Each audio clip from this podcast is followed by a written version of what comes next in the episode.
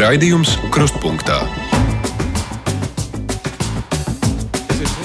Latvijas radio mikrofona Arnēs Krausas skan raidījums Kruspunkta. Šodien raidām no Cēsīm, no pilsētas sirds vienības laukuma.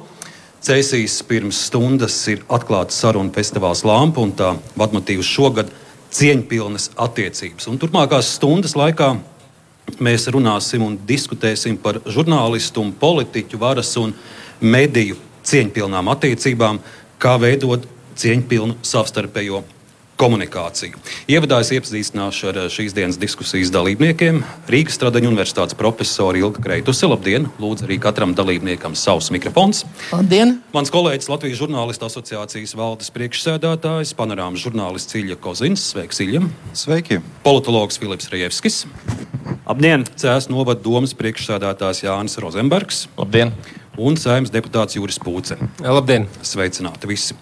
Man uzreiz arī jāpiebilst, ka manam kolēģim Aidim Thompsonam šodien šeit bija jābūt, bet viņam ir attaisnojošs iemesls. Aidis tieši šajās minūtēs Rīgas pilī no valsts prezidenta saņem trīs zvaigžņu ordeni. Un es gribu īpaši uzteikt arī visus savus kolēģus, kuri šodien Rīgas pilī saņem valsts augstāko atbalvojumu. Tātad Aidis, arī mani kolēģi Ilza Jaunāks, Gundars Rēders, Edvards Liniņš, Māra Libeka, Ilza Strēnga, Jānis Krēvits. Es ceru, ka nevienu neaizmirsu. Sveicam kolēģus.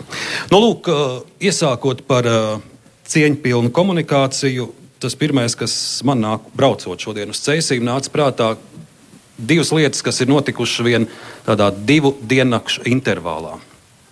Pirmais stāsts, kur es jau nu pat minēju, šodien man kolēģi žurnālisti Rīgas pilī saņem valsts augstāko apbalvojumu. Vēl pirms dienas viena daļa manu kolēģu žurnālistu Rīgas ielās izjuta lielu naidu un nicinājumu. Kāds politiķis pūļa priekšā rādīja ar pirkstu uz žurnālistiem. Uh, es runāju ar kolēģiem, kuri atspoguļoja notikumus Rīgas ielās. Uh, viņi atzina, dažs kolēģis teica, ka tas ir tāds nepatīkamākais brīdis, kas līdz šim žurnālistu karjerā ir piedzīvots.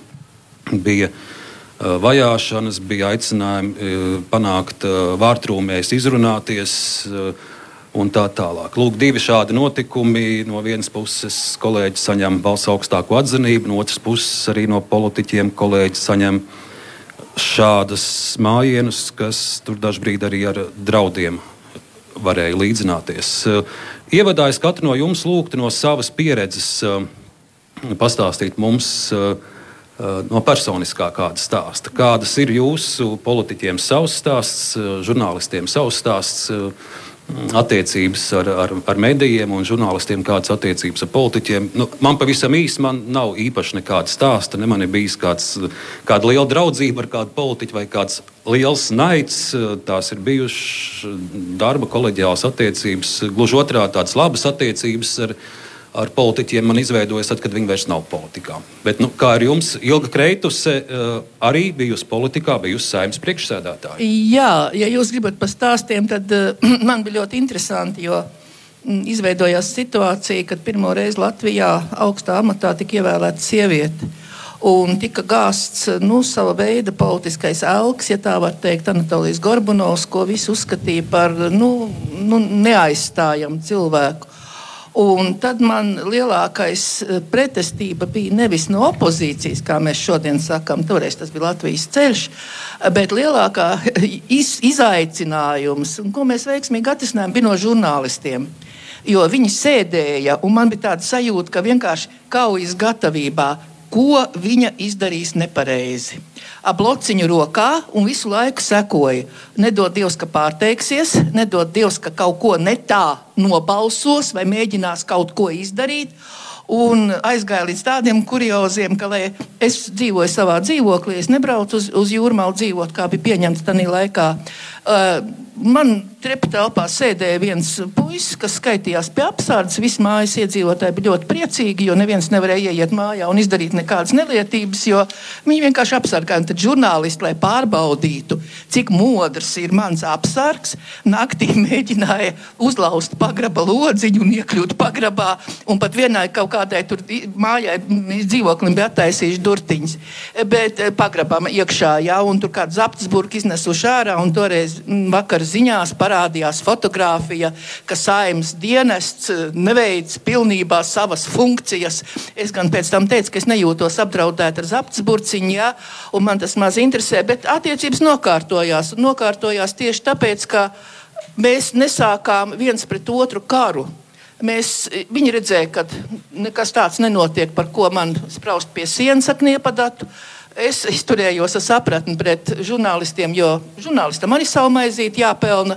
Un beigās es domāju, ka mūsu attiecības bija ļoti normālas, jo mēs sākām cienīt viens otru par to, ka mēs nemēģinājām uzbraukt par nepatiesību, kā tagad teiktu, uzbraukt virsū un veidot arī to, ja tu gribi runāt, tev ir jārunā. Un tas, ka tu esi kaut kas vairāk, nenozīmē, ka tev nav jāatbild varbūt novada atbraukušam žurnālistam, kas ir. Tā kā šie piedzīvojumi bija ļoti oriģināli un interesanti, bet es domāju, ka tā bija mācība man laba, kā izturēties pret tiem, ar kuriem tev tajā brīdī ir zināmas opozīcijas attiecības tādas. Ja? Un tad jāsaka tā, nedod pats iemeslu, netais pats ziepes, tad tev nebūs vēl jāskalo. Tik tālu Ilga Krētus, Ilja Tava pieredze, es nezinu, cik tu būsi gatavs radioeterā vai šeit Cēsīs vienības laukumā ļaužu priekšā. Mums arī klausītāji, skatītāji šeit stāstīt. Bet eh, tev arī, var teikt, viens tāds svaigs gadījums ir par attiecībām ar vienu politiķi, kur uh, kur arī ir laikam doma doties uz ētikas komisiju vai, vai ko tādu saimnes uh, šo lietu skaidrot. Nu, pastāst pats, cik tu par to gribi stāstīt. Nē, saimnes ētikas komisija par to lietu neierosinās, bet, nu, labi, pastāstīšu. Tātad vispirms es gribētu pateikt, ka man ir ārkārtīgs uh, prieks, ka tomēr tā žurnālista ētika, manuprāt, kopš tiem laikiem, ko Kreitis kundze aprakstīja, manuprāt, ir augusi. Un, uh, es, es tiešām esmu pārliecināts, ka tiesa vai kāds no maniem kolēģiem tagad darītu kaut ko tādu. Nu, lūk. Par to gadījumu, par ko jau pieminējās Sārnis, bija tā, ka viens politiķis uzrakstīja, ka viens no mūsu mēdījiem ir miskaste. Nevis es domāju, ka tas mēdījis ir miskaste, bet ka ir miskaste. Nu, es par savu pienākumu, vadot šo organizāciju, uzskatu, nu, ka nu, nevar es gluži klusēt, vai ne? Uh, Nu, jā, tad es uzrakstīju, ka šeit izskatās ar darbiņu ētikas komisijai. Pēc tam sākās nu, tāda neliela polēmika, kuras laikā deputāts mani aizsūtīja uz Roģinu. Nu, tā kā kariķējot to krievu vārdu Roģina, tikai atveidojot latviešu burtiem. Skaidrs, ka tajā diskusijā tam nekāda pamata nebija izņemot manu uzvārdu un vārdu. Nu, jā, man tas likās kaut kā nepieņemami. nu, pieminēsim, ka tas bija koalīcija. Tas ir koalīcijas deputāts. Tas ir koalīcijas deputāts. Jā. Vārdu nesauksi? Uh, nē, es negribu taisīt reklāmu. Bet katrā ziņā šis deputāts piedalīsies arī vismaz vienā diskusijā. Jums būs iespēja noskatīties un paklausīties arī to. Um, nu, jā, ir tāds gadījums. Bet es gribētu teikt, tomēr, ka tas ir drīzāk tāds izņēmums. Jo uh, Pārsvarā jau tā komunikācija, nu, vismaz manā pieredzē ar politiķiem, viņa tomēr ir bijusi un ir vēl aizvien cieņpilna.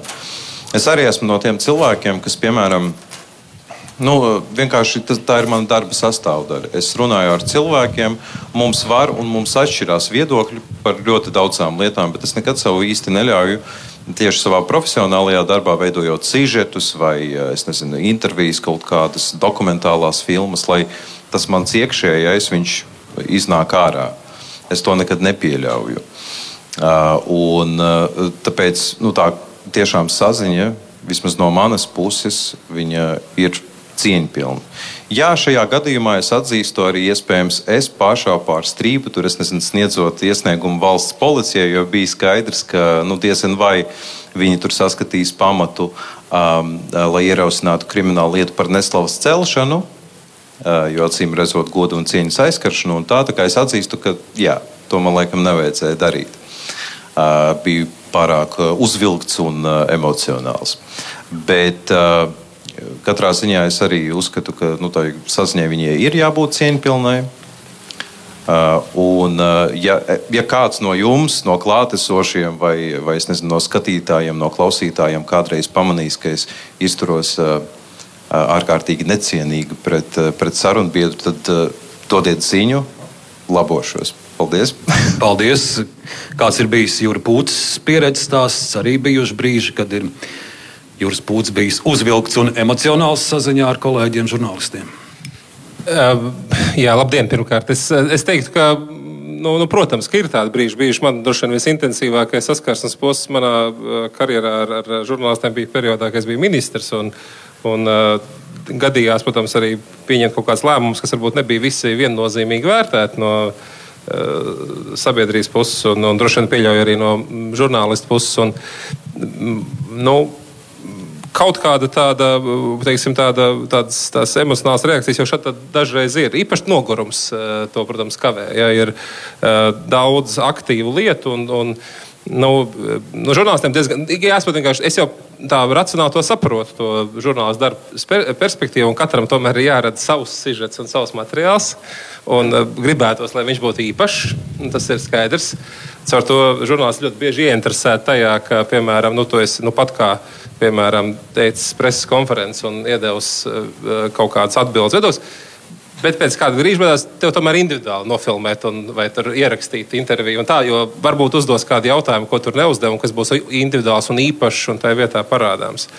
Un Tad uh, mēdz būt tā, ka es saku, bet es taču nu pat kā biju preses konferencē. Nu, tādā ziņā. Es, protams, ka varu atbildēt, bet uh, es nu pat kā biju visiem iespēju. Un, uh, tāda emocionālā puse tur ir. Tāds, bet tas ir tāds sagurums. Bet es, tāds, es neatceros, ka es būtu brucis kādam virsū uh, žurnālistam, uh, kas man traucētu vai, vai kā darītu. Uh, vai kādreiz ir bijis kārdinājums? Tas ir cits jautājums. Bet, uh, tajā laikā, kad viss tas caurlaičs stāsts jau bija? Nu, tajā laikā nepārāk. Um, tad drīzāk bija aizsarga reakcija pašam, bet brukt, virsū, brukt citiem cilvēkiem uh, virsū. Tāda ir reizēm sajūta, ka tev, teiksim, tev, tev tā, tā presē, ka tev apmēram ir kaut kāda reakcija jāizdara. Bet tas jau tāds nu, treniņš pieklājībā, nu, tā vispār kopumā ņemot, jo tas jau tādā kurā saziņā tev nu, lietišķā vidē tu vienkārši trenējies būt pieklājīgs. Tu, uh, savā nevaldē visu, ko tu par cilvēkiem domā. Reizēm tu visu kaut ko par cilvēkiem domā, bet tu patur pie sevis un uh, saki pieklājīgas frāzes un pieklājīgas teikumus. Filipam Rievskim vaicāšu, nu, Filips nav ne žurnālists, ne politiķis, bet varbūt tevi es lūgtu uh, palūkoties kopš tā laika perioda, par kuru Kreitus kundze minēja, kā tu redzi, kā Latvijā ir mainījušās un kādas ir uh, varas, mediju, politiķu, žurnālistu attiecības. Um, jā, tas ir labs jautājums, jo, ja mēs skatāmies tiešām no 90. gadiem, kā tas ir gājis uz priekšu, tad uh, es negribētu teikt, ka kaut kas tajās, tajā žurnālistu ētikā un arī tajā objektu ētikā savstarpējās attiecībās būtu stipri mainījies. Būtībā uh, varbūt ir pamainījies, mēs esam kļuvuši modernāki uh, un, un savādāk, bet, ja mēs skatāmies uz tiem ētikas standartiem, es negribētu teikt, ka ir milzīgs progress bijis. Uh, Jo, jo tom, tam visam apakšā tomēr ir nu, divi, divi pamatinstinkti. Tā ir uh, uh, mantkārība, tas ir instinkts pēc naudas, un otrs ir pēc varas.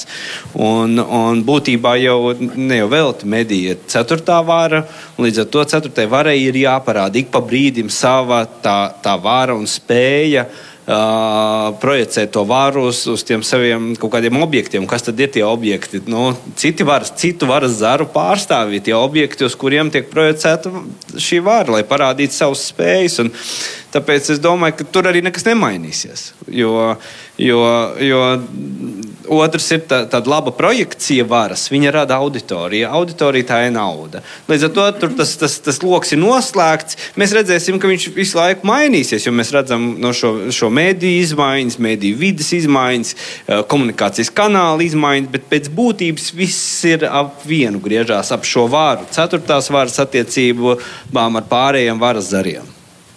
Paldies, un Jānis Rozenbergs, Cēlus novada domas priekšstādātājs. Jūsu attiecības ar, ar medijiem, varbūt arī raugoties no reģionālo mediju skatu punkta, jo cik dažkārt es esmu runājis ar kolēģiem no, no reģioniem, nu, arī viņiem nebūtu nav viegli dažkārt, jo, ja tu izveido kādu kritisku stāstu par savu pašvaldību, vai par kādu nesmukumu, vai par kādu iepirkumu, vai aizdomām par korupciju, tam reģionu žurnālistam pat vēl ir grūtāk nekā, nekā Rīgā strādājošam, jo pilsēta ir maza un es zinu. Uh, stāsts arī par kolēģiem no neatkarīgajām tukuma ziņām un, un viņu konfliktu ar iepriekšējo tukuma pašvaldību. Tieši pēc šādām publikācijām, kā, kāda ir jūsu pieredze? Jā, labdien! Uh, nu, nešaubīgi, ka uh, reģiona un nacionālā līmeņa varbūt politiķa attiecības ar mēdījiem ir divas dažādas lietas uh, kaut kādā mērā. Uh, Un, un tas, ko jūs sakat, protams, reģionos mēs viens otru labi pazīstam un, un, un tepat dzīvojam un tepat kopā strādājam. Taču, ja konkrēti par, par cēlus pašvaldības pieredzi, tad mums ir tiešām tāda laba, konstruktīva sadarbība ar vietējiem mēdījiem, gan ar televīziju, RTV televīziju, kas ir bāzēta Valmjerā, gan arī ar vietējo laikrakstu Druva. Mēs arī tādā esam no tām pašvaldībām, kas neizmanto um, nu, tā, ne, tā, tā, saka, ļaunprātīgi šo pašvaldību informatīvo avīžu izdošanas. Nu, gan biežumu, gan varbūt arī saturu. Mēs tiešām turamies tur pie tādām uh, normatīvu publikācijas un varbūt kādas vēl tur, teiksim, kultūras vai sporta pasākumu plāns, bet mēs netaisam uh, reklāmas uh, rakstus vai reklāmas laukumus. Un līdz ar to um, es teiktu, ka tās attiecības ir tādas, ja ir problēma, tad ir jautājumi, ir raksti, ir atbildes. Uh, Uh, un mēs regulāri reiz mēnesī tiekamies ar, ar šiem mēdījiem, pārunājam tās aktualitātes. Mēdīji saka, kas ir no iedzīvotāja puses, no uzņēmēja puses nāk. Mēs atkal sakam, kas mums ir dienas kārtībā, kādas, kādas ir plānotās aktivitātes. Un, un tādā veidā tā sadarbība veidojās. Un, un, un nevienmēr uh, viss ir, uh, kā lai saka, visi raksti vai visi sižeti pa spalvai. Ir arī tiešām tādi objektīvi kritēriji vai objektīvi raksti vai, vai, vai sižeti.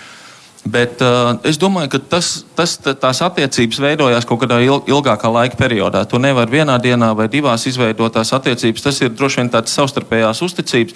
Ja tu vienreiz piemānīsi žurnālistu, visticamāk tās attiecības veidosies sarežģītāk. Ja no reizes uz reizi žurnālists redz, ka tas viedoklis tiek pausts patiesas, ka tie fakti sakrīt ar darbiem Un, un, un, un, un tad arī es domāju, ka tā savstarpējā uzticēšanās vairojās.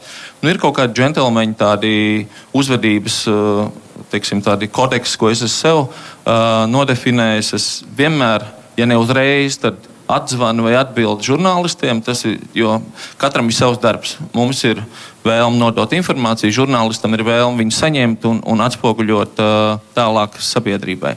Nu, mēdīju un uh, politiķu attiecības ir. Uh, raksturots ar dažādiem salīdzinājumiem. To var salīdzināt arī kā spēlēt uh, volejbolu. Katrs ir savā tīkla pusē un viens otram servē. To, ko mēs redzējām arī nu, pat Olimpiskajās spēlēs, vērojot mūsu pludmales volejbolistus. Tā spēle ir sīva, cīņa ir karsta, bet uh, ko mēs redzam pirms spēles ir cieņpilna sasveicināšanās un pēc spēles ir cieņpilna atvadīšanās. Uh, kā jūs kopumā raksturotu tās, tās, vai tā ir kāda problēma šobrīd Latvijas politikā un Latvijas žurnālistikā savstarpējas cieņpilnas attiecības? Un otrs stāsts, vai visi, kuri sev sauc par politiķiem, ir patiesi uzskatām par politiķiem, un tieši tāpat ar žurnālistiem. Mēs zinām arī mūsu žurnālistu vidū, uh, mums ir daži uh, kolēģi, varbūt tā var saukt, kuri sevi uzskata par žurnālistiem, bet, bet mēs uzskatām, ka viņi ir ļoti tālu no žurnālistikas standartiem un ētikas un citām latiņām. Ilja, ar tevi sākšu. Jā, paldies. Um, nu es gribu uzsvērt, tas ir tikai mans viedoklis, bet uh, man kaut kā šķiet, ka nu, tādas cieņpilnas attiecības šodien, ja salīdzinām ar to, kas bija pirms, nu, es nezinu, jūs sakāt, pirms pieciem gadiem vai pirms uh, vēl vairāk. Nu, uh, Tur, tur ir tāds pasliktinājums. Varbūt tas ir saistīts, nu, ja mēs skatāmies tieši uz tiem kolēģiem, kas, piemēram, atspoguļo saimas vai, vai valdības darbu, tad negribētu nevienu aizvainot. Bet, un tas arī neatiecas uz jums, loģiski. Bet nu, ir ievēlēta teiksim, tā deputātu daļa, kurai nu, tā cieņpilnā saziņa ar cilvēkiem ir sveša. Tas ir ļoti maigi izsakoties. Uh, nu, Te var minēt daudzus piemērus, un atkal es negribu taisīt reklāmas, bet, nu, piemēram, es atceros, uh, ka manai kolēģei uh, bija starpgadījums ar vienu valdības ministru, kas turpat labi arī ir. Viņi mēģināja viņu nointervēt uz trepēm valdības mājā, tad viņš kaut kur sāka skriet. Uh, lai gan, nu, jā, sportisks visai. Un tad sākās kaut kāda savstarpēja apvainojumi. Nu, nav forši. Vai ne? Tāpēc es domāju, ka tur noteikti ir nepieciešama uzlabojuma. Kā to panākt, es nezinu. Es, es tiešām nezinu. Es, es, es domāju, ka vienīgais pareizais ceļš ir nu, ieskatīties kaut kur sevi un uh, saprast, ka tie žurnālisti Tātad mēs, mēs neesam nekādi ienaidnieki. Jo bieži vien, kad tu atnāc uz interviju, sevišķi ar politiķi, tu uzreiz jūti, ka tam cilvēkam Uh, nu, ir zināma pretestība, vai ne? Viņš ir uzreiz aizsardzības pozīcijā, un viņš sagaida, ka tagad uh, nu, tu, viņu, tu viņu mēģinās iznīcināt ar saviem jautājumiem un tam līdzīgi. Uh, tas Nu, iespējams, ka kādos gadījumos tā ir atkarīgs no konkrētā kolēģa, bet pārsvarā tas tā, protams, nav. Mūsu mērķis ir izzināt konkrētā notikuma apstākļus, vai, vai, ja tā ir kaut kāda portreta intervija, uzzināt par to cilvēku vairāk. Un, uh, un uh, vēl kas man šķiet, ka mazliet mums emocijas traucē. Te man daudzi kolēģi laikam nepiekritīs, bet es nu, savā es teiktu, pieticīgajā pagaidām pieredzē esmu secinājis, ka tomēr veicot šo darbu, strādājot ar cilvēkiem, politiķiem, nu, kaut kā tomēr ir jāattālinās no emocijām. Cilvēcība ir uh, laba lieta, un tam ir atsevišķi cilvēku stāsti, kur tas iespējams ir vairāk jāpielieto. Bet, piemēram, ziņu žurnālistikā es uzskatu, ka uh, emocijas, nu, nu, nevajadzētu tām emocijām tur, tur fonā būt pārāk bieži. No tā ir jāattālinās un tiešām jāskatās uz visu tā ļoti neitrāli. Un tad man šķiet arī tās savstarpējā žurnālistu un politiķu attiecības varētu būt cieņpilnākas. Jo tieši tās emocijas ir tās, kas uzkurina. Nu, es iesaistīšu arī pārējos. Es vienkārši nekontrolēju. Ja, ja runājam par emocijām, es zinu, ka Ilga Kreitus paņem mikrofonu. Viņa arī mēdz būt gana emocionāla. Un viens piemērs, es esmu dzirdējis arī, ka profesors Kreitus ir arī par kādam skarbākam vārdam, piemēram, par ministru Pūts teikusi televīzijā, bet nu, pat pirms Nopelni. šīs sarunas es redzu, cik viņi abi cieņpilni spēja arī sarunāties un, un, un diskutēt. Jā, runājot par emocijām, eh, man šķiet, ka cilvēks nedrīkst būt, eh, piedodiet, kā augsta vārde, kurai ir vienalga, ko viņš runā, ko viņš saka. Viņš ir stīvu ģīmi noskaitījis, ko preses sekretārs vai kāds ir uzrakstījis priekšā. Un man daudz simpātiskāks ir tas politiķis, kas ievērojot cieņu, pieklājību un nelietojot eh, reizēm paša nesaprastus, necenzētus izteicienus, izsaka savas lietas, jo tad mēs ieraugam cilvēku. Bet es gribētu gribētu šī jautājumā iziet no tā, ar ko beidza cēsinieki - darbs. Un tad, kad žurnālisti un politiķi patiešām darīs darbu, profesionālu darbu, tad arī šīs attiecības veidosies savādākas. Kas ir politiķis? Ievēlēja saimā, viņš ir pēkšņi politiķis. Atvaino, tu vakar biji grāmatvede. Ko tu no politikas vispār jēdz? Bet mēs paši, un es gribētu teikt, ka lielā mērā tagad no mīļie žurnālisti saņemiet. Jūs viņus visi saucat par politiķiem. Jums viņš ir politiķis tāpēc, ka viņš ir kaut kur ievēlēts. Jums cēs domāju, visi politiķi, ja? Visi deputāti politiķi, ja? Redziet, tad, kad mēs politiku sapratīsim kā darbu, kurā ir nepieciešama izglītība, nepieciešama dzīves pieredze, nepieciešamas pamatīgas zināšanas, kaut vai sākot ar satversmes simto pantu, tad arī no tās puses tie cilvēki, ja viņi būs izgājuši šādu sietu cauri, arī savādāk izturēsies un sapratīs, kas ir žurnālists. Un arī tad, ja žurnālists sapratīs, ka tas ir profesionāls darbs, kura rezultātā viņš veido cilvēku viedokļus. Jo mums jau politiķiem šķiet, ka mēs esam tie, kas veidoja. Es neesmu politiķis, tāpēc mēs laikam ne, nebūtu vietā lietot. Kad viņi veido to viedokli, saima neveido sabiedrības viedokli. Sa, sabiedrības viedokli vismaz pa 80% veido žurnālisti kāda informācija nonāk kādā veidā. Un, ja tas tiek darīts profesionāli, analītiski, pamatoti, tad tam ir pilnīgi cita atdeve. Un tāpēc šeit ir tā problēma, jo es vienmēr par deputātiem saku to frāzi. Es par to savā laikā teicu Vairai Vīķai Freibergai, un viņa uz mani tā skatījās ilgi, un tā beigās pretī neko neteica. Ka deputāts strādā tautas labā, deputāts veids darbu, nevis kalpo. Jo kalpam ir kalpa dvēsele. Un neprasiet, lai kalps radoši, patstāvīgi, sevi e, nemēģinot kaut kur visu laiku aizsargāt, darītu to, ko viņš var darīt. Un tas, tas ir mans skatījums, kas pietrūkst. Nu, pietrūkst vienkārši ļoti bieži tā saucamā, kā man vecā māma teikt, vai tava kinderstūbā tev tā uzvesties. Jā? Viņi lietoja to vārdu, to kinderstūbu, jā, kas latviski, es pat nezinu, kā kā īsti iztulkot. Bērnistabs, nu jā, bet tā nav. Tā, tā ir tā audzināšana, tā uzvedība, iekšā tas bērnistabs, ko tu apgūsi, lai tu pēc tam iziet lielajā dzīvē, izietu un parādītu, ka tā stūba tur bija riktīgi. Jā. Man tieši šķiet, ka mums pietrūks tieši šis līmenis, tīri elementārās savstarpējās attiecībās, kas jau aiziet pilnīgi, pilnīgi citās, citās sfērās, ka mēs pastāmies, kā jauni cilvēki runā sevi, kā uzvedās viens pret otru, kā ir. Un piedodiet, tomēr, mīļie žurnālisti, jūsu maizīte ir tā, kā jūs lasa un ko grib.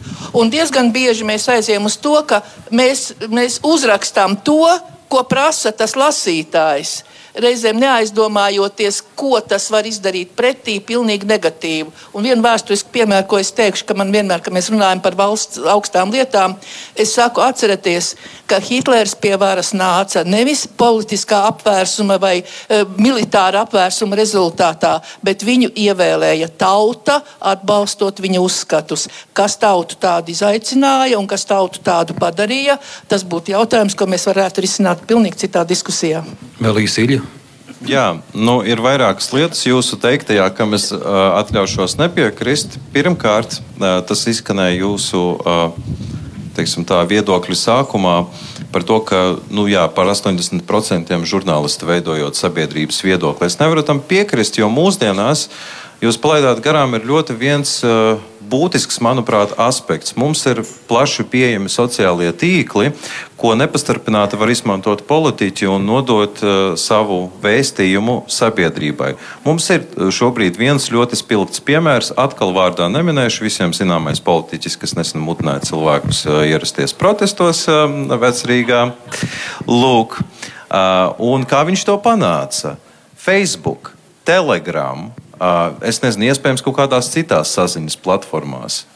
Un zināmai cilvēku daļai, kas bija šajā protestā, viņiem tas viedoklis, ne jau mēdīja veidoja to viedokli, to viedokli veidoja pats politiķis, nepastarpināti komunicējot ar šiem cilvēkiem. Tas ir vienkārši viens piemērs un neliela replika uz, uz, uz to viedokļu veidošanas tēmu. Pārējie kolēģi, paldies! Nu, es tomēr gribētu. Nu, no, nonivelēt drusku to, to diskusiju, jo visi baigi labi līdz brīdim, kurš maksā algu žurnālistam, kā Veic. tiek pelnīta nauda uh, medijos. Mediji ir bizness. Un, un es tieši tagad pārlasīju m, par Valdemāru un atceroties Pēterburgas avīzes, kas bija tajā mirklī ļoti populārs, skaitījās ar 5000 no tajā topā bija 5000 tirāžu tikai. Un to cilvēku pirkt. Tur nebija nekādas reklāmas. Cilvēki pirka, tāpēc, ka tur bija interesanti raksti. Tad šobrīd mēs tomēr esam Facebook un, un viss pārējais piesauktais. Tas jau ir tikai seks. Tas, kas, tas ko mēs redzējām, tajā mirklī, ka reklāma tika, sāka noteikt to, cik maksās mēdīs. Tajā mirklī arī tika atvērta Pandoras lādīte, ka man ir pilnīgi vienalga uh, tā objektivitāte. Man ir svarīgi tie cilvēki, kas nopērk to, lai viņi izlasa. Uh, objektīva, uh, struktūrēta informācija grūti pārdodama. Emocijas ir pārdodamas vislabāk, un tas mēdījis, kurš ražos emocionālus, spilgtus materiālus, varēs samaksāt labāko algu labākam žurnālistam, kurš saražos labāko šādu veidu materiālu. Es uzskatu, ka tas ir. Es atļaušos ļoti ātri. Uh, paldies! Bet es uzskatu, ka tomēr tas ir nedaudz vienkāršots skatījums. Es piekrītu, ka atsevišķos gadījumos tas tiešām tā ir. Un pārsvarā, ja mēs runājam par dzelteno presi, kur šokējošs virsraksts un, un vispārējais, tas ir no svara tiešām, lai pievienotu tos lasītājus, kas šajā gadījumā būtu vairāk kā klienti. Bet nu, es tomēr gribētu uzsvērt, ka mums Latvijā ir gana daudz uh, izdevumu, uh, kanālu un kolēģu, uh, kas tomēr orientējās vairāk uz tās sabiedrības interesēm, lai arī cik daudz patosa tagad nebūtu šajā manas teiktajā, vai ne? Un uh, ir jāuzsver, ka viss, ko jūs teicāt, nu, uh, tas ne īpaši attiecas uz sabiedriskajiem mēdījiem. Mēs esam izgājuši no reklāmas tirgus. Uh, Un tagad mums nevar pārmest, ka ot, tur sabiedriskie mēdī tagad jūs par atkarīgi no politiķiem, kuri pieņem lēmumus. Tagad jums ir jāservē tiem, kas piegādā nu, naudu. Nu, mēs esam atkarīgi no politiķiem naudas ziņā. Es, nē, Īļa, sakot, bet nu, iesaistīsim arī mūsu abas politiķus, kuri cieņpilni jau desmit minūtes gaida, lai tiktu pie vārda. Pūtis kungs, lūdzu. Sorry. Man, man ir tik daudz komentāru sakalājušies par pēdējo laiku, bet man 25 minūtēm nepietiks, kas mums ir atlikuši. Es, es, man ir daudz ko teikt vienmēr, bet es, es tikai eh, divas mazas teicu un to galveno, ko es gribēju pašā sākumā, kad pacēlu roku teikt. Eh, pirmais par eh, tādu varbūt jokam repliku, ja, tad, kad es dzirdu, ka kāds tur nemin vārdā, es uzreiz atceros Harry Potteru un tos, kas ir iepazinušies šo darbu, ja, tad Baltus Dumidors teica, ka vajag saukt vārdā to Voldemortu, citādāk viņš paliek stiprāks viņu vārdā nesaucot. Uh, Un eh, tas man sasauksies man pēdējo tēzi, un eh, savukārt profesors Kretus tēzē par to, ka žurnālisti 80% veido viedokli. Nu, ļoti dažādi tā sabiedrība ir. Filips Rēvskis veido viedokli. Ziniet, viņam uzņēmums ir, kas ir izveidots tāpēc un pelna naudu. Viņš diezgan tāds pārteicis cilvēks, jo viņš veido viedokļus. Un tad es, piemēram, tagad redzu Brendu, eh, kas ir organizēta, tur ir Deep White aģentūra. Viņi arī veido viedokli. Tas ir, ir viņa darbs. Daudzi veido viedokļus, un tas ietekmē sabiedrību kopumā. Un tas ir labi, ka ir daudz un dažādi viedokļu veidotāji, jo citādāk mēs būtu neplurālā sabiedrībā ar visiem trūkumiem, kas no tā izrietētu. Labi, ka tā nav. Tas, kas ir uh, problēma, ko es gribēju varbūt pateikt un akcentēt Ārņa sākuma kaut kad pirms tam uzdotajā jautājumā, kad mēs visi sākām runāt, bija tajā, ka ir kaut kāda teiksim, pretstāvēšana. Un faktiski ir pat zināma politiķu daļa, kas uh, pozicionējas kā antimediju dienas kārtībā, kritizējot medijas un darot. Uh, Nu, man ir jābēdina, tas nebeigsies. Visas pazīmes par to liecina. Tas ir, ir ļoti veiksmīga stratēģija politiķim. Ja viņš grib gūt varu, to pierāda ne tikai Latvija, to pierāda daudzas valsts pasaulē un pēdējo gadu pēdējās desmitgades notikumi. Un mums tuvojas saimnes vēlēšana gads, jūs prognozējat, to, tas tikai to, pastiprināsies? Ta, tas tikai pastiprināsies. Es ļoti labi atceros 18. gadā. 18. gadā mūsu politiskais spēks, mēs jutāmies, ka tas ir mūsu misija, piemēram, sarunās par valdības veidošanu. Bija ļoti sarežģīts sarunas, kā es atceros, vairāk vienkārši katru reizi, gan publiski, gan sarunā iznāk ar to, ka mums viens no principiem ir tas, ka mēs aizstāv, aizstāvam mediju neatkarību, ka viņi var izdarīt. Tā skaitā vienalga, vai tie ir sabiedriski mediji vai tie ir komerciāli mediji lai kādi mērķi viņus vadītu, komerciāli vai, vai uh, sabiedrības teiksim, informēšanas mērķi. Mēs aizstāvam neatkarību, tas ir svarīgi šī plurāliskā sabiedrībā. Es domāju, tas atgriezīsies atkal, tas jau nāk, tas ir izdevīgi, tāpēc, ka ir iespējas mēdīs patiešām cilvēks uzrunāt patiešo, neizmantojot mēdīs starpniecību. To arī dara aktīvi politiķi pietiekami daudz. Tas nav noliedzams, tas nekad nebeigsies, tas būs uz priekšu tikai. Un eh, jautājums ir par to vietu, kādu mēdīju šajā nākotnes eh, telpā pildīs. Jo politiķiem būs liels kārdinājums mēdījus ignorēt. Ja pieaug nozīme uh, tam, ko tu dari Facebookā, un samazinās nozīme tam, ko vakarā stāsta panorāma, es apzināti trivializēju šos nosaukumus. Uh, tad lielāka loma tev sanāk, ka tev jāliek uz to Facebook. Kāpēc tev jāuztraucas par to, ko tev parādīs panorāmā? Vai tu vari ignorēt žurnālistu, skriet pa trepēm, kā piemēram minētajā, vai, vai vienkārši neatbildēt uz zvaniem un nedot interviju? Un nav, nu kā tu, ja neatbild zvanu, kā tu tev tiek pie tās intervijas?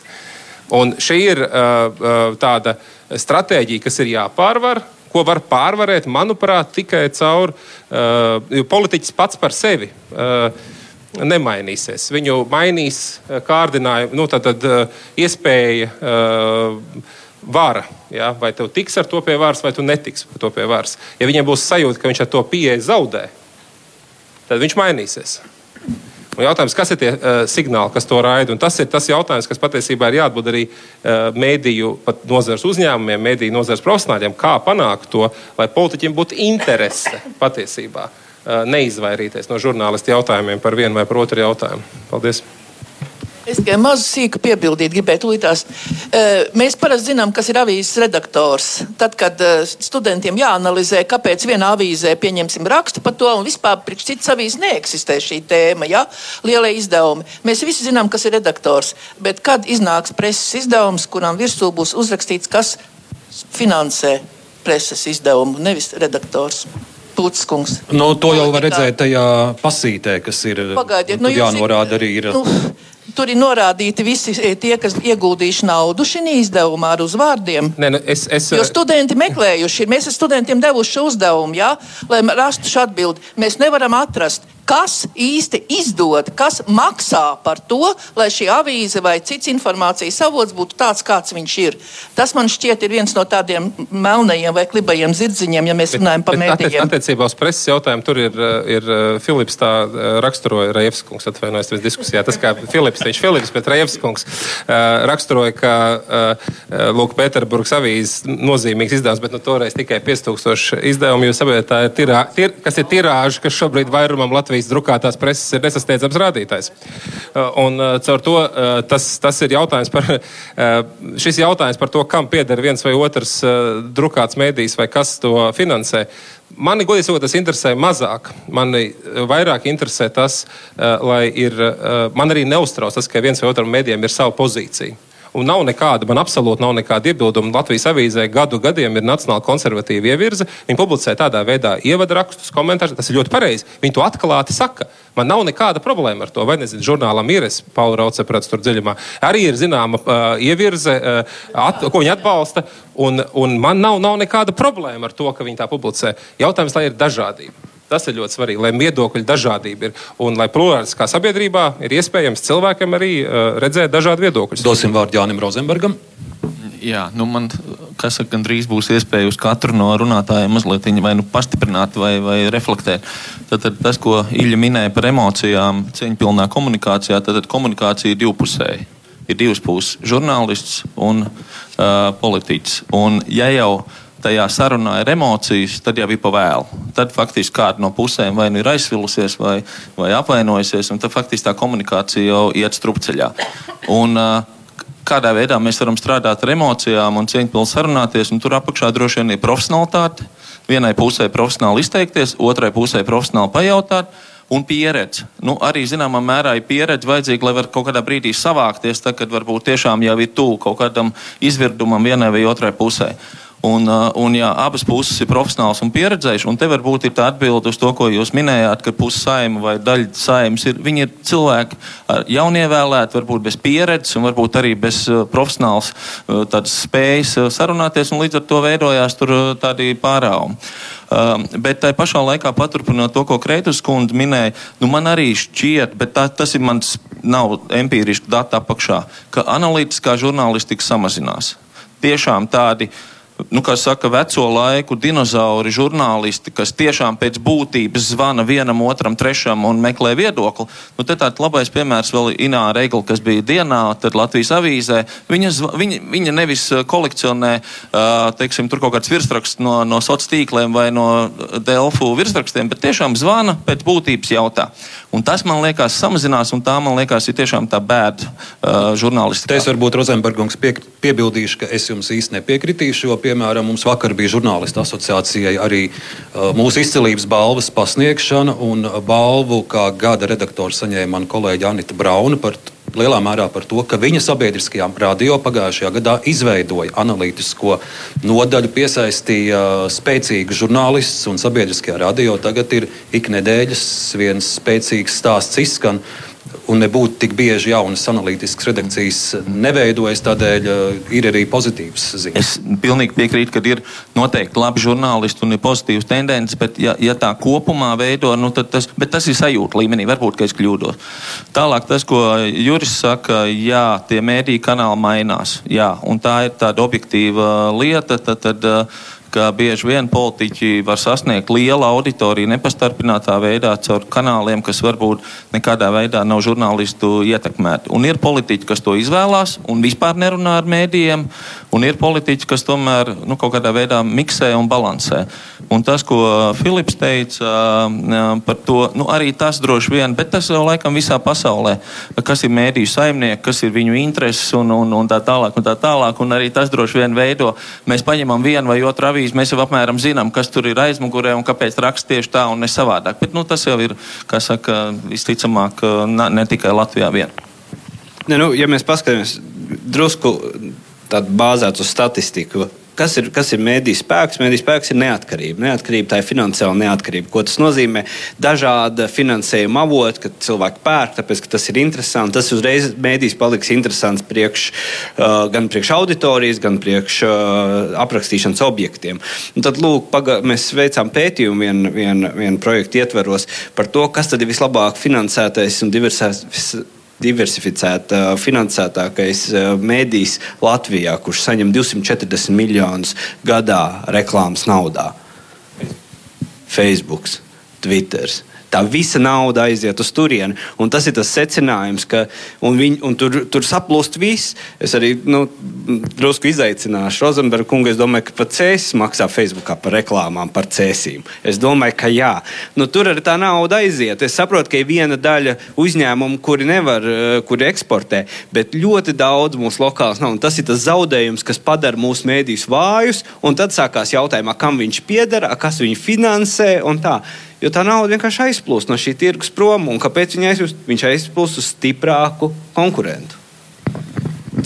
Vēl viens stāsts, kas šeit vairāk kārt jau tika pieminēts par to, ka visas digitālās attīstība izmainīs arī uh, mediju un politikas komunikāciju. Kā jau te vairāk kārt teikts, ir vesela virkne politiķu, kur šobrīd jau izvēlas vairs pat uh, tā principiāli nesazināties ar žurnālistiem, un, un, un viņiem ir Facebook, un Facebookā viņi paši ir žurnālisti, paši ir operatori, paši ir politisko notikumu komentētāji, paši ir arī uh, eksperti par veselības jautājumiem un imunizācijas jautājumiem. Vēl vairāk uh, nelāga tendence parādās šobrīd, ka ir arī uh, viena dombiedra grupa uztaisījusi uh, tādu kā raidījumu, kurš ļoti tiek kopēts līdzīgs kā ikvakara ziņu raidījums. Visas krāsas, titru paneļi. Un, un tādā veidā arī jaucot ļaudīm prātus, un, un cilvēks domā, ka varbūt tas ir ziņu raidījums. Viņi paši tur arī intervē politiķus. Un, uh, veidojās jau arī šādas, es pat teiktu, viltus ziņu kanāli, ja, kuri, kuri diezgan pat neslēp, ka viņi kopē, kopē ikvakar ziņas siļu. Ko tu par to saki? Kā tas viss attīstīsies? Nu, teiksim tā, pastāvot kaut kādām piketa atskaņām, esot tur, man, man tomēr šķiet, ka tādu kanālu iespējams varētu ar laiku parādīties arī vairāk. Ko es par to domāju? Nu, tas nav labi, jo tas nivelē to godprātīgo žurnālista darbu. Ziniet, vispār ir tā. Kāpēc vispār ir pamats, ka tāds no serijas mēdīs vai, mēdīja atdarinājums ir parādījies? Jo cilvēkiem tas ir ļoti normāli un ļoti cilvēcīgi. Viņiem patīk vienkāršas atbildes uz sarežģītiem jautājumiem. Un uh, ir tā, ka žurnālisti nesniedz vienkāršas atbildes uz sarežģītiem jautājumiem. Viņi sniedz sarežģītas atbildes. Un tur tā meistarība ir tās sarežģītās atbildes pasniegt tā, lai katrs cilvēks to saprastu. Uh, mēs strādājam ar faktiem. Turklāt, bet tie cilvēki, nu, uh, viņi izplata nepārbaudītu informāciju, kas ir piesātināta ar emocijām, un tas, protams, tas pavelk cilvēkus. Ne, es atvainojos, nu ļoti daudz, nu viņi tomēr nelasa tālāk par virsrakstu. Un, ja viņi tur ierauga kaut ko šokējošu, tad uh, tas tīri psiholoģiski nostrādā kā tāds emocionāls uzbudinājums, un viņi vairs negrib tur neko lasīt, neko pārbaudīt un tā tālāk. Tad mūsu tas lielākais izaicinājums kā žurnālistiem ir meklēt jaunus veidus, kā pasniegt informāciju tā, lai tiešām katrs to saprastu. Uh, un uh, tiešām vairāk iet uz, nezinu, uz vieglo valodu, uz uh, koncentrētu to info, informācijas pasniegšanu, vairāk vizualizēt, kas jau, paldies Dievam, tagad notiek. Es esmu ļoti lepns, ka arī pie mums tas ārkārtīgi veiksmīgi attīstās. To varēja redzēt vakardienas izcilības balvā, starp citu. Savas atbildes beigās neliela replika par pētniecisko žurnālistiku, jo tā man ir ārkārtīgi tuvu tēma. Es Tomēr gribu pateikt, ka tā pie mums nesamazinās, tā tikai pieaug. To apstiprina tas, ka vairākas balvas iegūši mani kolēģis no Rebaltika. Uh, vienkārši izcili darbi par uh, Covid iepirkumiem, vakcinācijas sāga un uh, daudzi citi arī reģionālā laikraksti, piemēram, neatkarīgākas tukumu ziņas. Nu, vienkārši lasiet, skatieties, klausieties, mums viss notiek. Un par mediju neatkarību es gribētu teikt tā. Protams, ideālā pasaulē mums sabiedriskie mēdīji būtu finansēti no nodokļu maksātāja naudas, pa taisno. Piemēram, būtu piesaistīts šis finansējums kādam nodoklim, kā tas ir Vācijā. Tā mums nav, un man pašam personīgi par to ir ļoti žēl. Bet teikt, ka mediji tikai tāpēc, vien, ka žurnālisti uh, nav neatkarīgi, uh, vai dot mājienus, ka, ha, nu jā, jums tur valsts maksā naudu, tāpēc uh, nu, īsti neko nepasaka, bet mājiens ir tāds, ka jūs kā, neesat pilnīgi neatkarīgi. Es, piemēram, esmu pilnīgi neatkarīgs. Neviens politiķis nevar pie maniem pieiet klāt un pateikt, hei, rakstīju, es nezinu, kaut ko. Un tieši tāpat ir ar visiem maniem kolēģiem. Uh, Ne ar visiem, pilnīgi ar visiem Latvijas televīzijā. No Kreitas kundzes sakiet, sakiet. Tad. Par cieņpilnu komunikāciju runājot, vai ne? Jā, es tagad cieņu pilnā jums teikšu, ka jūs pats tikko kā sevi iegāzāt. Nevis ar visiem, nē, nē, nē, nē. iegāzāt gan. Man savā laikā, Es domāju, kad ka es, es mācījos, mācījos doktorantūrā, man šefs lasīja sarežģītu kursu par matematizāciju un tam līdzīgām lietām. Uh, Un viņa sauklis bija tāds, jo vairāk svešvārdus tu lieto savā tekstā, jo mazāk tu saproti, par ko tu runā. Un jūs tikko teicāt, jāprot ir vienkārši uzrunāt. Tas nozīmē, ka pietrūkst profesionalitātes. Profesionālam žurnālistam ir jāprot izjust auditoriju un lietot to terminoloģiju, nu ne jau līdz rupībām nonākot, bet to sarunas veidu, ko pieprasa auditorija. Bet skatoties uz to, nekad nevajag pa visiem zvērēt. Tas ir vienkārši kā cilvēks ar zināmu pieredzi un mazliet tādu gados, varbūt mazliet vecāku par jums nedaudz. Ja? E, jums to saka, nekad pa citiem nezvēriet to, ko jūs nezināt. Jo jūs nezināt, ko dara jūsu kolēģis, varbūt šī brīdī kaut kur ludzā. Ja? Bet vēl viena lieta, kas ir. Es Mēs- atļaušos, es Jā, atļaušos, zināt, es atļaušos iebilst, jo es biju runājis par Latvijas televīzijas kolēģiem, ko es jums pateicu, un jūs būtu to dzirdējusi, ja nebūtu mani pārtraukusi. Paldies! jums. Jūs esat ļoti cieņpilns uh, sarunu biedrs. Pilnīgi patīkam klausīties. Jā, uh, bet es pabeigšu to, ko es gribēju teikt. Uh, vēlreiz atkārtojot, nekad nezvēriet, es nesaku to tagad jums, es saku auditorijai, nekad nezvēriet par visiem saviem kolēģiem, jo jūs patiešām nezināt arī. Pieņemsim, vai ir cieņa, vai šim motobraucējam ir cieņpilna attieksme pret šā raidījuma pārraidi. Ja? Es varētu teikt, jā, jo viņš nezina, kas šeit notiek. Bet es pabeigšu to domu, ko es gribēju teikt visu laiku. Eh, Neap, jūs neapvainojieties tikai. Tas arī jautājums par to, cik mēs katrs spējam izturēt. Eh, Nepārvērtējiet vēlēšanu gadījumā Facebook spēku. Jo Facebook un digitālo uh, informācijas nesēju izmantotāji dalās pēc vecuma grupām gradējās. Un viena lieta ir vecuma grupas, kas izmanto tie ir agresori un jaunākie, bet uz vēlēšanām kas iet? Vecākie. Un noniecinot šo otru informācijas atdeves iespēju politiķim komunicēt caur to, nu, nu es nosaukšu ļoti triviālu piemēru. Mana kaimiņienai sēdz prasa, ilga vai man to avīzi kādreiz kāds atnesīs vai neatnesīs. Bet viņi ies uz vēlēšanām, viņi Facebook nelasīs. Tāpēc nevajag unificēt. Ir, ir jāņem, tas ir jāņem vērā, tas ir jāaiziet. Un politiķi, nu paskatieties, kas nobalsoja par suņu būdas buldogu. Ja? kas nesa šo informāciju un bija. Jā, es nosaucu vārdā, pareizi Pūtskungs šoreiz. Nu, Gan drīz vai jā. E, Vienkārši kam, kam nonāk tā informācija, kādā formā un veidā tas ir jāņem vērā. Tāpēc slava digitalizācijai, jo ko mēs bez digitalizācijas darītu e, Covid apstākļos, bet neaizmirstiet arī to otru informācijas avotu, ka tomēr ir cilvēku grupa, kurai ir nepieciešams šis rakstītais vārds, kas pie viņa nonāk, ko viņš var izlasīt un neizdzēst bet nolikt un varbūt paskatīties vēlreiz. Paldies, un paliekot pie cieņpilnas sarunas, mums vēl ir 5 minūtes, un es vēl katru vēlos īsi iesaistīt. Nu, uh, Būs ļoti saspringts šis gads. Tūlīt uh, vēl tik gads paliek līdz nākamajām sēmas vēlēšanām. Kā šī gada laikā, uh, ja neveicināt, tad vismaz saglabāt cieņ- cieņpilnas attiecības politiķu un, un mediju starpā. Kāda, kāda ir jūsu recepte, padomus skatījums? Es ar Jānu Rozenbergu sākšu.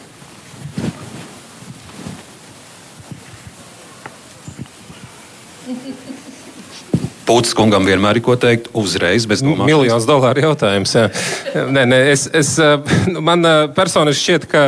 eh, Nu, eh, Nu, te tā bumba ir pamatā tomēr žurnālistu pusē. Es pateikšu, kāpēc. Nevis, ka viņi slikti izturētos tieši pretēji. eh, Tas, eh, tas eh, modelis, eh, vai tas, ko atļaujas vai neatļaujas politiķis lielā mērā ir atkarīgs no tā, cik lielā mērā viņam ļauj to darīt.